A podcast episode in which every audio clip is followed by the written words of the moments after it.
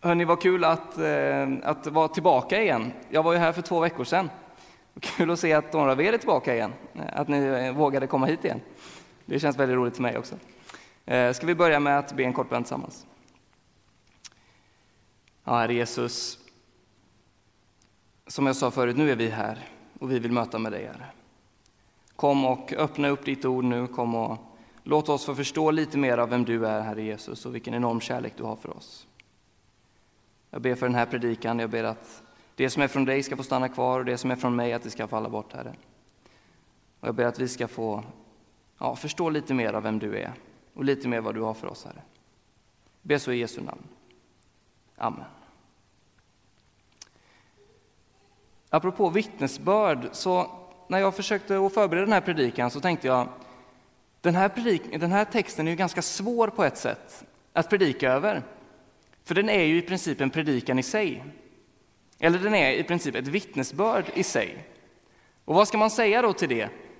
Jo, så här säger David. Och så sa han. Men jag tror faktiskt att det finns väldigt mycket djup teologi i den här salmen. Så mitt mål med den här predikan är att ge några tankar utifrån den här salmen som säger någonting om Gud, om Guds uppdrag och Guds prioritet. Hans prioriteringar snarare. Och jag skulle vilja börja med att ställa en fråga till er. Är det någon av er som har någon person i en närhet som är sådär brinnande intresserad av någonting? Några stycken är det. Det kan ju vara egentligen vad som helst. Det kan ju handla om fiske, eller det kan handla om fotboll, eller det kan handla om Melodifestivalen. Eh, det kan vara, handla om mat eller resor, eller vad som helst egentligen, musik och sånt där. Alltså jag, jag älskar att träffa sådana personer som är sådär brinnande intresserade av någonting. Och det spelar egentligen inte någon roll vad det är, utan jag tycker liksom att deras entusiasm, den liksom smittar av sig på mig så att vad som helst blir intressant på något sätt. Jag eh, var sjöscout när jag var ungdom. I Fiskebäck så var man inte scout i skogen utan man var sjöscout och seglade istället. Och när det regnade så var man inomhus istället. Så. Eh, det var lyxigt. Men då hade vi en ledare där eh, som Också när han inte var sjöscoutledare så sysslade han med live i skogen. Några av er kanske har hört talas om live. Det låter lite som scouting, men det är inte som scouting. Alltså live är när du klär ut dig till någonting och så spelar du liksom ett skådespel i skogen. Jättekonstigt första gången jag hörde det. Han berättade att han var en alv. En alv är någon form av fantasifigur med spetsiga öron så här, som springer runt i gröna kläder och skjuter pilbåge typ, eh, och är jättebra på det. Och, så här, och han, han, berättade med liksom entusiasm om att han var den här alven. Då. Han hade en egen karaktär. Han hette något visst när han var ute. Han hade liksom vissa karaktärsdrag som var hans. Liksom. Han var inte jätteoffensiv, utan han var lite mer tillbakadragen. Och han gillade inte att samla mat, utan det fick någon annan göra. Liksom. Så han hade liksom en riktig roll. så. Och Jag tyckte det var så intressant att prata med honom och liksom lyssna. Och vad gör du då? Liksom?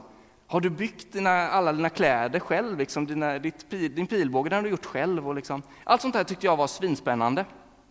Bara för att det var så himla annorlunda på något sätt. Och han brann så mycket för det. Och nu kommer min övergång till Gud då, att Gud har ju ett brinnande intresse. Alltså det som är liksom Guds uppdrag, Guds prioritet, det är att vara så intresserad av dig och av mig. Alltså Guds på något sätt största intresse ligger i att veta vilka vi är, hur vi mår, vad vi går igenom och liksom allting som handlar om oss. Det är liksom lite som att tänka att Gud spelar Jeopardy. Det kanske ni har sett någon gång på tv. När man liksom väljer olika så, så kanske han har Maria Hammar och så kan han välja så här. Ja, men jag tar Maria 100. Och så kan han exakt allting.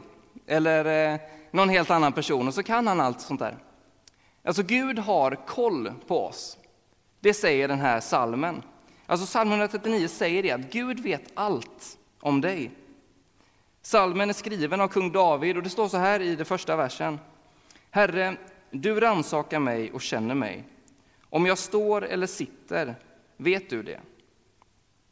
Alltså återigen, psalm 139 säger någonting om Guds agenda, eller Guds liksom högsta prioritet. Och det är att vara uppdaterad på ditt liv. När jag tänker på det, då blir man ibland nästan lite rädd. Alltså när jag hör det här bibelordet, så ibland så kan man tänka, oj då, det är lite som att Gud liksom förföljer en. Alltid har koll, alltid är runt hörnet. Liksom alltid så, där är, där är det liksom lite övervakande så. Men den viktiga distinktionen att göra mellan en som skulle kunna kallas för en stalker, som är liksom obehagligt nära, och Gud, det är att det finns ingenting som heter kontroll eller kontrollbehov när det kommer till Gud. Alltså, Gud håller oss inte uppdaterade för att ha kontroll på oss, utan för att Gud älskar oss. Gud är inte intresserad av oss för att liksom ha kontroll så att, inte vi gör exakt, så att vi gör exakt rätt hela tiden, utan Gud älskar oss och därför är Gud så otroligt intresserad av oss. Alltså, Gud vet exakt vad du går igenom just nu. Och Gud är intresserad av det, Gud är angelägen om det. Även om du kanske känner det är ingen annan som bryr sig om mig just nu. Lite som Maria kände. Hon kände sig så ensam. Men Gud är där. Och Gud är intresserad av dig. Och Gud vill och vet vad du går igenom och vad du behöver. Alltså Gud vet allt det som du brottas med. Alla dina rädslor, kanske din ångest, kanske du går igenom en depression, kanske du har en jättebra relation med någon, eller så har du inte det. Gud vet om det. Och Gud är där och Gud bryr sig om det. Det är Guds största prioritet, att vara nära dig. Men det är inte utifrån kontroll, det måste ni komma ihåg, utan det är utifrån kärlek. För att Gud älskar dig precis så som du är. Vers 2 säger så här. Fast du är långt borta vet du vad jag tänker. Om jag går eller ligger ser du det. Du är förtrogen med allt jag gör. Och innan ordet är på min tunga vet du, Herre, allt jag vill säga. Alltså vad säger de här verserna? Jo, det säger att Gud är långt borta. Gud är långt borta, men Gud är samtidigt så nära. En paradox på något sätt. Hur kan Gud vara långt borta men samtidigt vara så nära? Och det finns, ehm, det finns två stycken teologiska begrepp för detta. Och det ena det är transcendent. Transcendent. Och det andra är immanent. immanent. Transcendent och immanent. Och de här två betyder olika saker när det kommer till Gud. Alltså transcendent då, det betyder att Gud är bortom den här världen. Att Gud är liksom utanför skapelsen. Gud är större än skapelsen och utanför och kan se hela alltet och ha det större perspektivet. Och immanent betyder att Gud är nära, personlig och relaterad till oss. Om ni vill komma ihåg det så kan ni använda en, ja det är så dåligt egentligen, men en, en lite så här, en bild som jag använde när jag skulle lära mig det här när jag gick. Jag går fortfarande på TOS, men eh, i ettan, då tänker jag så här, immanent, in, inbakad pizza. Då är liksom det goda på insidan. Förstår ni? Det är nära. Det är liksom i hela skapelsen så här. Så om ni funderar på någon gång över transcendent och immanent så kan ni tänka på det. Immanent, inbakad pizza. Gud är nära i, det goda är nära. Så dåligt egentligen, men man kommer ihåg det i alla fall. Alltså, på något sätt, samtidigt som Gud är långt, långt borta, så är Gud så nära.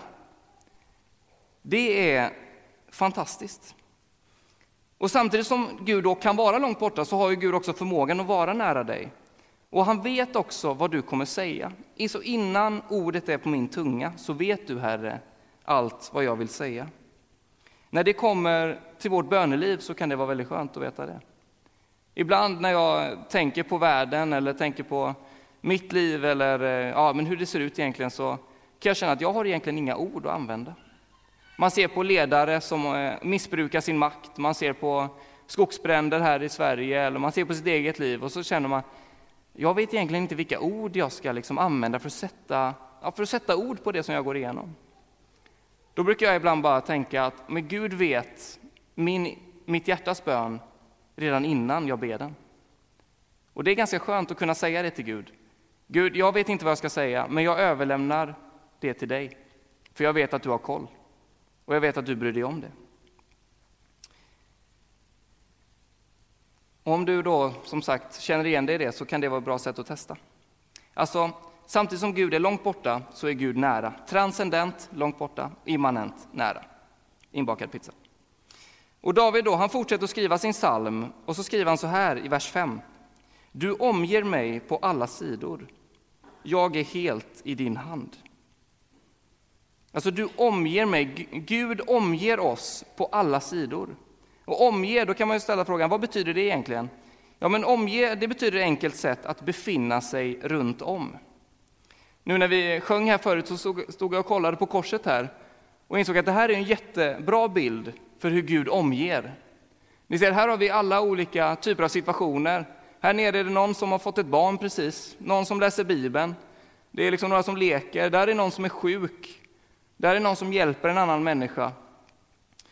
Och där är några som upphöjer Gud. Men ingen av de här människorna är ju på något sätt utanför Jesu händer. Gud och Jesus omger alla människor, oavsett om du är ung eller gammal, oavsett om du är sjuk eller frisk, oavsett om du på ett sätt tillber honom eller om du inte tillber honom. Gud omsluter dig på alla sidor ändå. Sen har han också ett väldigt bra skägg och ett bra svall också. Men Gud omger, alltså det är lite som, man kan också tänka sig ringmuren runt Visby, alltså en ringmur som är runt hela, som omger på, inte bara den här sidan, utan också översidan. Alltså Gud omger hela livet, allt som är ditt liv. Och Gud är intresserad av allt som är ditt liv. Alltså Gud, han går framför oss och han leder oss framåt. Han är som heden som leder vägen för oss, som visar oss till vatten och till gröna ängar. Han går bredvid och håller om oss när vi tycker att livet är jobbigt. Han går till och med bakom och puttar på och städar upp bakom oss. Och Gud är också ovanför oss och ger oss av sina välsignelser som kommer från himlen. Och Gud är också under oss och stöttar upp. Alltså Gud omger oss. Det finns ingen människa, som ni ser här, som är utanför Guds händer. Alla är omslutna, oavsett vem du är. Och jag tänker, hur ska man förstå detta? Hur ska man på något sätt kunna greppa detta? Att Gud då samtidigt kan vara långt borta och nära, att Gud kan omge på alla sidor. Alltså då är det ganska skönt att veta att David tänkte precis likadant. Alltså någon som har varit med, någon som kände Gud, som fick göra stora saker för Gud, han kan också tänka så. Det här är bortom mitt förstånd. Jag förstår inte, men jag väljer att lita på att det är sant. Alltså tro handlar inte om vetande, utan tro handlar om att hoppas på att någonting är så. Och David är så, han säger det, det här är utanför mitt förstånd. Men så här är det för mig, det här är min psalm, det här är mitt vittnesbörd. Psalm 139 säger så. Alltså på något sätt så är Gud nära, personlig, relaterar men har samtidigt det övergripande perspektivet. Alltså Gud har sån enorm kärlek för dig. Han älskar dig gränslöst. Men för att det ska vara äkta kärlek från Guds sida till dig så måste det vara frivilligt. Gud tvingar sig aldrig på någon, utan Gud vill att du ska älska honom frivilligt. Det är bara då det blir kärlek. Alltså det är upp till dig om du vill ta emot detta på något sätt. Om du vill leva i detta eller om du inte vill göra det. Alltså psalm 139 säger att Gud är överallt, ständigt närvarande. Och även om du inte känner det nu kanske, eller inte har känt det på många år, så kan jag uppmuntra dig med att Gud är där. Gud är intresserad. Och Gud brinner för att lära sig mer om dig och vandra mer med dig. Psalm 139 fortsätter, David, han fortsätter skriva. Och han säger så här, alltså han har försökt att rymma från Gud. Han säger liksom, om jag gick hit så var du där, om jag gick ner i vattnet så var du där, och jag, vart jag än gick så var du där. Och man kan se det som ett övergripande tema i Bibeln, alltså genom hela Bibeln så har folk försökt rymma ifrån Gud. Det började egentligen redan i Edens lustgård med Adam och Eva när de inser att de var nakna. Och de skyler sig och de går och gömmer sig från Gud så att, de inte, så att inte Gud ska se dem. Jona är ett annat exempel. När Gud sa till honom, du ska gå och predika i den här staden. Och Jona sa, ah, okej, okay, absolut, jag går åt helt andra hållet. Men Gud kom ändå och plockade upp honom. Nu gjorde han det på ett okonventionellt sätt och tog en fisk och flyttade honom dit. Men han kom ändå dit, han var ändå där. Alltså det finns på något sätt ingenstans där vi, inte kan, gömma, där vi kan gömma oss. Och det verkar alltså även som att David då, i den här salmen har försökt rymma från Gud. Vart skulle jag komma undan din närhet? Vart skulle jag fly från din blick? Alltså psalm 139, den är skriven av kung David. Det var en man som fick göra väldigt, väldigt mycket stora grejer för Gud. David och Goliat, alltså han fick vara med och liksom besegra filisternas armé. Han fick vara en stor kung, han fick göra Israel till, stor, till en stormakt. Men han var också en kung som gjorde väldigt, väldigt mycket fel. Han såg till exempel en kvinna som badade och, och valde liksom att ta henne från hennes man. Dessutom inte bara ta henne från mannen, utan också döda mannen för att kunna vara med den här kvinnan. Han gjorde väldigt, väldigt mycket moraliska fel. Väldigt mycket som liksom inte var bara jag körde lite fort på vägen hit till Vårgårda till exempel, utan väldigt mycket större saker. Men David, det här är viktigt då, David har på något sätt förstått att även om jag har gjort allt det här så är Gud fortfarande kvar. Även om jag har gjort så mycket fel i mitt liv och saker som jag inte är stolt över, så vet Gud om det och Gud står kvar. Gud vet inte bara och lämnar, utan Gud kommer alltid vara vid din sida. Och jag tänker så här, om då Gud stod kvar vid David, då är det ju helt givet att Gud står kvar vid dig. För David, han är på något sätt både bilden av den där stora, jättebra kungen, men också den sämsta på något sätt. Men Gud står ändå kvar. Alltså, det är på något sätt det som är grejen. Gud förlåter, Gud stannar, Gud är intresserad. Och det var därför Jesus då för 2000 år sedan kom ner till jorden. Bibeln säger att Jesus kom inte för att döma världen, utan för att rädda världen. Inte för att vi skulle dö, utan för att vi skulle ha liv genom honom. Det var därför Jesus kom. Det var därför Jesus gick upp på korset och dog för alla människor. För att alla människor skulle vara omslutna av Guds kärlek. Alltså det är evangeliet. Det är inte kört oavsett vad som har hänt i ditt liv. Alltså det finns ingenting som kan skilja oss från Guds kärlek. Så står det i Romarbrevet 8. Alltså den kärleken är manifesterad i Jesus Kristus. I Jesus omslutande armar får alla plats. Där är alla älskade och där är alla intressanta. Alltså du kan inte förtjäna den kärleken. Du kan inte göra någonting för att få den. Men du kan inte heller göra någonting för att förlora den. Den är konstant, den finns alltid där. Och det är ett erbjudande till dig att ta emot om du vill. Alltså Gud vet allt som du har gjort, allt du skäms för, men också allt det som du har gjort som är bra. Och Gud står fortfarande kvar. Alltså lyssna nu då, även om du har lämnat Gud, så har inte Gud lämnat dig. Det är viktigt. Även om du har sagt, ja men det här med kristen tro är nog ingenting för mig, så säger Jesus, ja men du är fortfarande någonting för mig. Du betyder fortfarande någonting för dig. Jag vet fortfarande vad som händer i ditt liv. Jag är fortfarande intresserad. Men Gud tvingar sig aldrig på. I Uppenbarelseboken kapitel 3, vers 20 så står det att Se, jag står vid dörren och bultar. Om någon hör min röst och öppnar dörren ska jag gå in till honom och äta med honom och han med mig. Alltså det här är Jesus. Jesus står på din dörr och bultar. Men Jesus kommer aldrig bryta upp dörren. Jesus kommer aldrig hämta en nyckel och liksom låsa upp den, utan Jesus väntar på att du öppnar den och släpper in honom. Det är det som är äkta kärlek. Det är därför Jesus kommer, för att erbjuda det till dig. Det är bara nåd, det är bara gratis, det är bara en gåva. Två bilder då innan jag är klar eh, med min predikan.